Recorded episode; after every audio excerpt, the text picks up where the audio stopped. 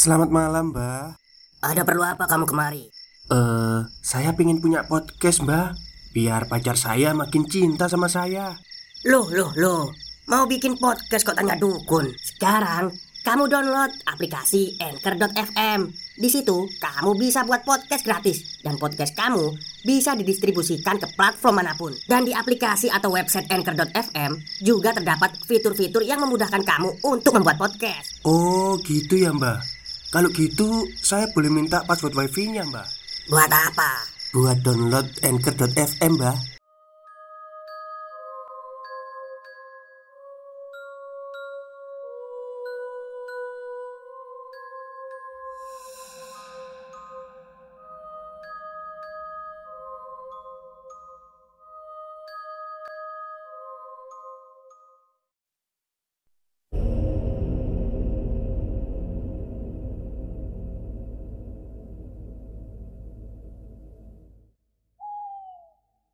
Assalamualaikum warahmatullahi wabarakatuh. Halo semuanya Jumpa lagi dengan saya Chow Sing Sing Kurator dari Podcast Horror Night Story. Halo apa kabar semuanya? Semoga kalian semua sehat-sehat ya. Dan pada malam hari ini Saya akan langsung menceritakan part kedua dari cerita yang kemarin, keluarga Santoso. Untuk yang belum lihat di part pertama, silakan kunjungi kolom komentar. Di situ ada komentar saya ya, isinya link dari uh, cerita pertama keluarga Santoso. Baik, daripada kita berlama-lama, kita langsung saja ke ceritanya. Kejadian itu pun semakin meyakinkan Santoso tentang teluh yang kejam ini. Lantas, bagaimana kabar Mbah Mangun yang dulu ingin datang lagi ke rumah? Nah, ternyata sejak kejadian sore itu, Mbah Mangun sempat sakit. Menurut cerita Pak Slamet, Mbah Mangun sempat bertaruh dengan sosok jin wanita tanpa wajah itu kita sebut saja Samber Nyowo. Tapi di sini Mbah Mangun menganggap teluh ini terlalu kuat kalau harus dihadapinya seorang diri. Karena inilah Mbah Mangun tidak menepati janjinya untuk datang di kemudian hari. Kembali ke cerita. Masa berkabung kepergian Panggi masih hangat. Belum sampai tujuh hari di sini, Santoso nampak gusar dan marah.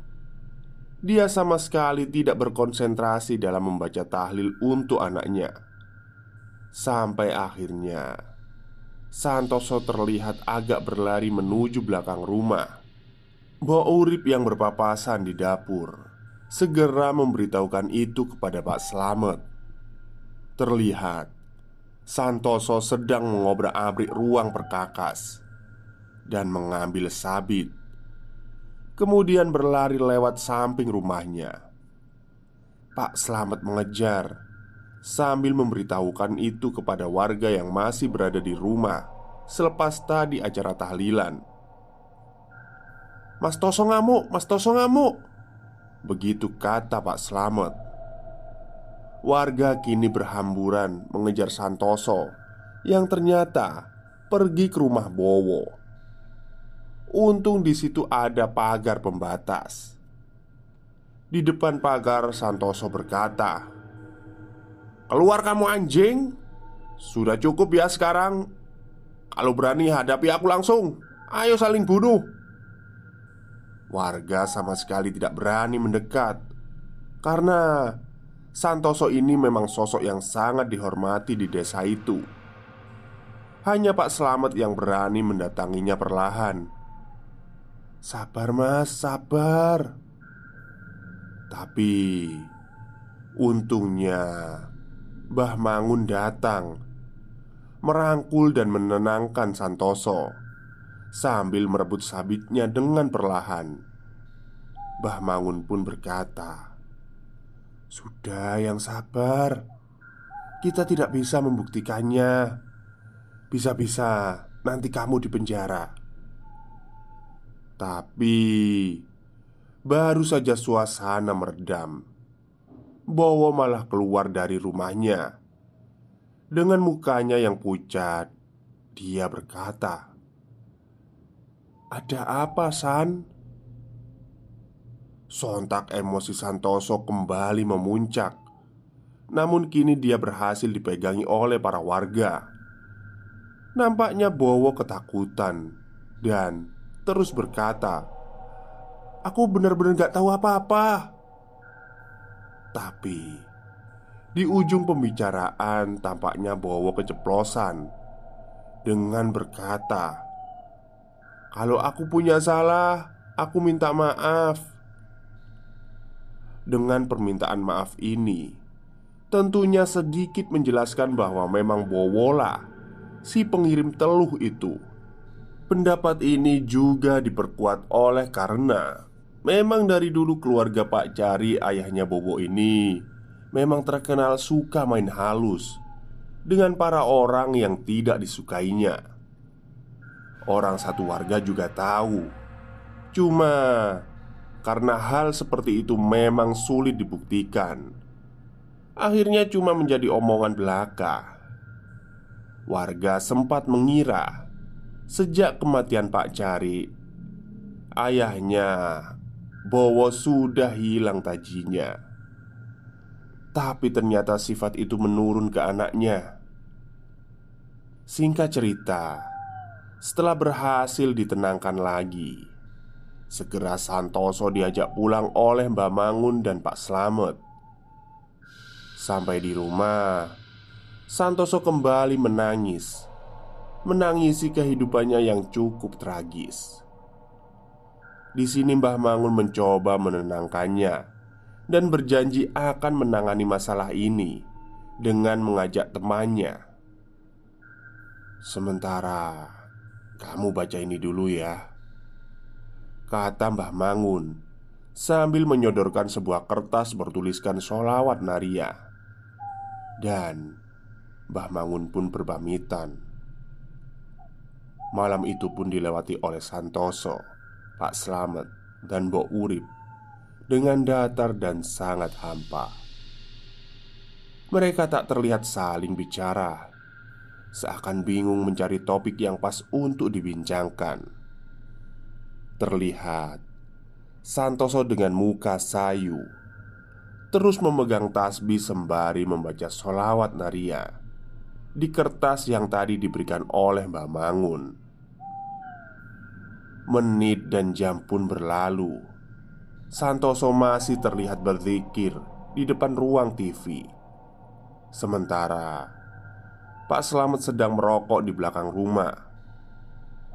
Tiba-tiba terdengar sayup-sayup suara wanita bernyanyi dengan syair Jawa. Pak Slamet langsung buru-buru masuk ke dalam rumah. Mbok Urip juga sepertinya mendengar Terlihat berlari kecil dari pavilionnya Menuju rumah utama Segera mereka berdua menemui juraganya Yang nampak kaget karena Santoso Juga mendengar suara itu Mas, mas, Dengar nggak? Tanya Santoso Sembari mereka saling mendekatkan telinga untuk mengamati. Enggak mas Jawab Pak Slamet dan Bo Urip. Santoso pun menyuruh Pak Slamet Untuk menutup semua pintu dan jendela. Mereka kini duduk merapat bersama di ruang TV Suara orang bernyanyi itu masih ada Seakan-akan mengitari rumah Santoso Santoso sangat ketakutan. Terlihat dia terus memegangi tasbihnya dan berdoa. Mbok Urip dan Pak Selamat pun hanya menunduk komat kamit Melafalkan doa entah apa yang dibacanya. Tapi perlahan Suara nyanyian itu berubah menjadi suara tangis. Tangisannya sangat pilu, terisak-isak, dan sesekali meraung seakan merasakan sakit. Mereka bertiga pun terus berdoa hingga suara itu hilang sekitar jam 2 malam. Mereka yang ketakutan pun tidur satu tikar di depan TV hingga esok hari pun tiba. Mbok Urip yang masih takut teringat kejadian semalam Kini terlihat enggan melakukan pekerjaannya Begitu juga Pak Slamet Santoso juga terlihat lesu Mereka masih duduk terdiam di ruangan itu Hingga Akhirnya Santoso bercerita Kalau semalam Dia bermimpi ditemui oleh anak dan istrinya dalam mimpi itu, Panggi dan Ningrum anaknya hanya tersenyum. Namun, Lasmini istrinya berbicara kepada Santoso. Yang sabar dan ikhlas, Mas. Aku sama anak-anak udah enak. Kamu pasti bisa menghadapi. Sambil menangis, Santoso menceritakan mimpi itu. Sehingga cerita malam harinya Mbah Mangun datang Namun ia sendirian Pak Slamet bertanya di mana temennya mbah? Ah, pada nggak berani ngadepin Udah, aku sendiri aja yang ngadepin Bantuin doa ya Jawab Mbah Mangun Pak Slamet hanya mengiyakan saja sambil menelan lidah Bah Mangun pun meminta Mbok Urip untuk mengambil garam krosok. Dibawalah garam itu oleh Mbah Mangun mengelilingi rumah sembari uro-uro atau bernyanyi lagu Jawa. Santoso, Pak Slamet dan Mbok Urip hanya dia menunggu di dalam rumah. Setelah selesai, Mbah Mangun pun masuk lagi ke dalam rumah. Di sini, Beliau sedikit bercerita Dulu, waktu Mbah Mangun masih muda Baru saja lulus dari pesantren Jin Sambernyowo ini sempat menghabisi keluarga Pak Cokro Sampai tidak ada satupun yang tersisa Pak Cokro adalah kandidat pemenang waktu pemilihan lurah di tahun 60-an Yang mana lawannya yang kalah adalah Pak Cari, ayahnya Bowo. Diduga kuat Pengiriman teluh ini dilakukan oleh Pak Cari. Tapi Memang hal seperti itu sulit sekali dibuktikan. Sejak saat itu tak ada lagi warga yang mau berurusan dengan Pak Cari Jadi di sini mulai terang ya. Kalau diduga kuat Bowolah yang mengirim teluh itu. Apa perlu Dibalikkan saja mbah? Kata Santoso. Tidak perlu nak. Kita nggak ada bedanya kalau mengembalikan teluh itu kepada si pengirim. Jawab Mbah Mangun. Intinya Kita tidak perlu membalas Kalau kita membalas Kita sama saja jahatnya Tak terasa mereka berbincang cukup lama Hingga akhirnya Pembicaraannya dihentikan oleh suara ketukan di pintu depan rumahnya. Terlihat bayangan siluet di pintu kaca. Nampaknya ada orang yang datang. Pak Slamet yang membukanya seketika bingung ketika dia tidak melihat siapa pun di depan pintu. Dia yang mulai merinding pun menghampiri Mbah Mangun dan berkata, "Kok Gak ada siapa-siapa ya mbak Gak apa-apa Met Itu teman kita Jawab Mbah Mangun sambil tersenyum. Beberapa saat kemudian Mbah Mangun pun meminta sapu lidi kepada Mbok Urip Sambil membaca Al-Quran kecil di tangannya Mbah Mangun keluar Menyapu-nyapu halaman Pak Slamet yang mengikuti di belakang bersama Santoso pun sesekali disuruh mengambil rambut yang berjajaran di tanah.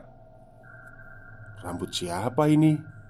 Batin mereka berdua Sembari mengambilnya dengan sapu tangan Sampai akhirnya Mbah Mangun berhenti di satu titik Tepat di bawah rimbunan tanaman siri Ambil pacul sana Met Setelah itu Mbah Mangun menyuruh Santoso untuk menggali titik yang sudah ditunjukkan olehnya. Stop, stop.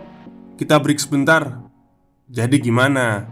Kalian pengen punya podcast seperti saya?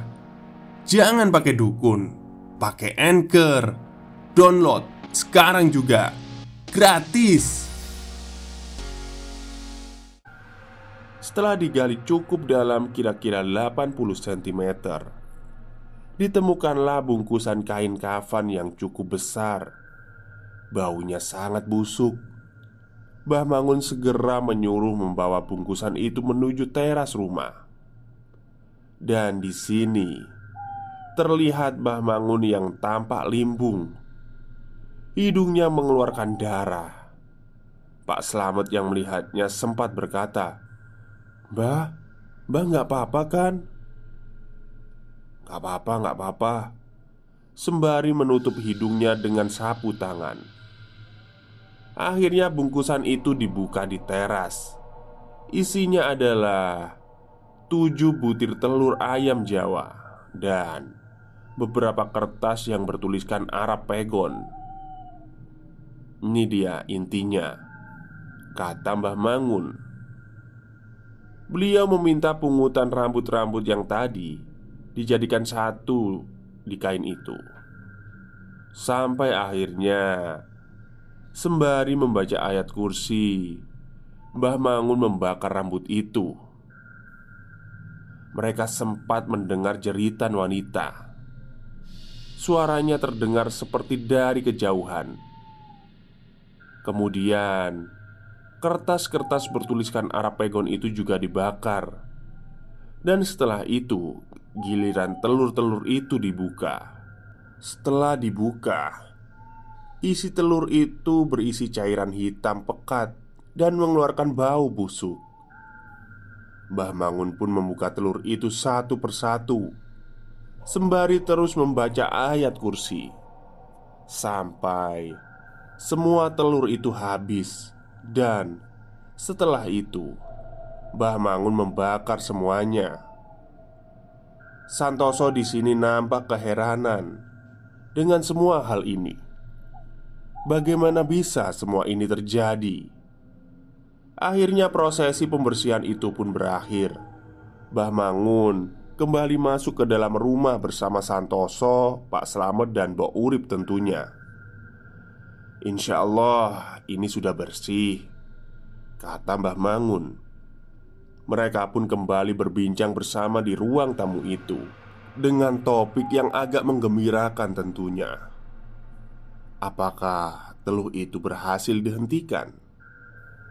Nampaknya masih tersisa Karena tengah malam Setelah Mbah Mangun berpamitan pulang Terjadi lagi serangan teluh itu Tiba-tiba saja Gelas bekas minum mereka yang ada di meja meledak.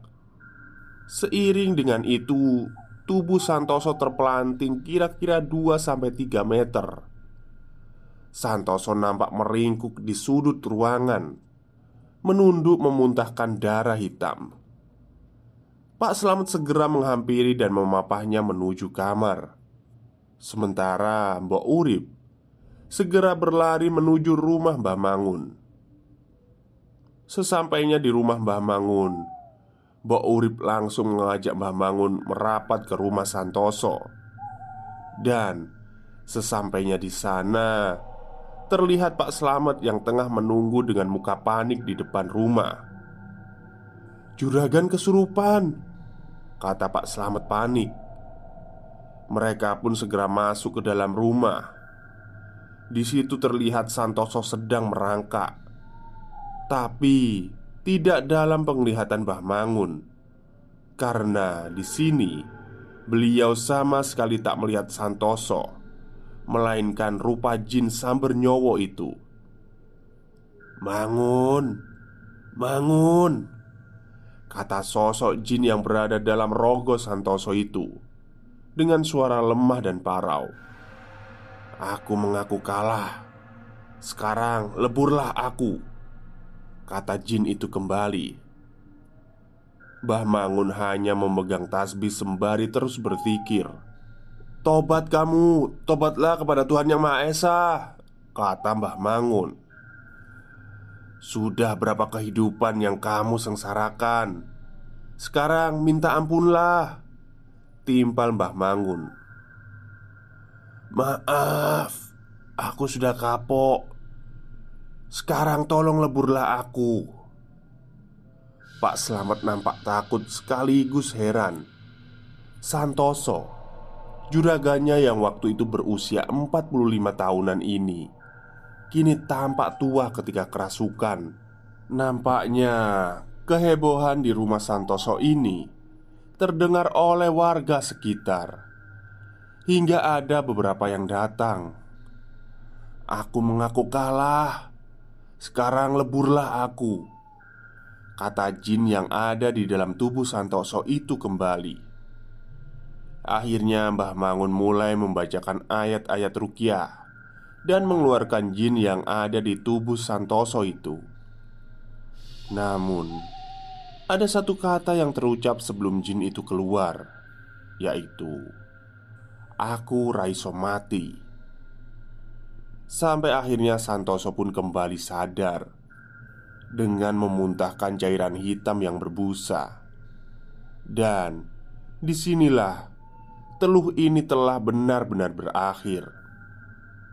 Teluh Jawa ini dahulu dikenal dengan nama Teluh Pring Sedapur Dengan media jin yang dikirim untuk memberikan penyakit dan mempengaruhi pikiran yang dituju Biasanya tak ada yang selamat dari teluh ini Nyatanya Kurang dari setahun Keluarga Santoso pun habis namun, di sini Santoso berhasil selamat. Di tahun 1994, Santoso menutup bisnis cengkehnya. Dia beralih ke usaha lain, serta sempat menikah lagi dan memiliki satu anak. Dan beliau meninggal di tahun 2014-an. Bo Urip Satu tahun setelah selamatnya Santoso beliau pulang ke tempat asalnya Wonogiri di Gunung Kidul. Dan Pak Slamet, terakhir saya bertemu sekitar tiga bulan yang lalu. Sebelum cerita ini dibuat, beliau masih sehat dan bahagia dengan anak cucunya. Meskipun beliau sudah sepuh, semoga saya dapat kembali bersilaturahmi dengan Pak Slamet Sekian cerita keluarga Santoso ini. Semoga ada banyak pelajaran yang bisa kita petik. Sekian dari saya. Sampai jumpa di kisah yang lain. Tamat. Oke, itulah akhir cerita dari tweet Twitter berjudul Keluarga Santoso ya. Itu sudah part 2-nya ya. Untuk part pertamanya silakan kunjungi di kolom komentar video ini Yang saya pin itu punya saya itu Silahkan klik itu adalah part pertamanya Karena panjang Baik, mungkin itu saja yang bisa saya sampaikan pada malam hari ini Semoga Anda semua terhibur. Selamat malam dan selamat beristirahat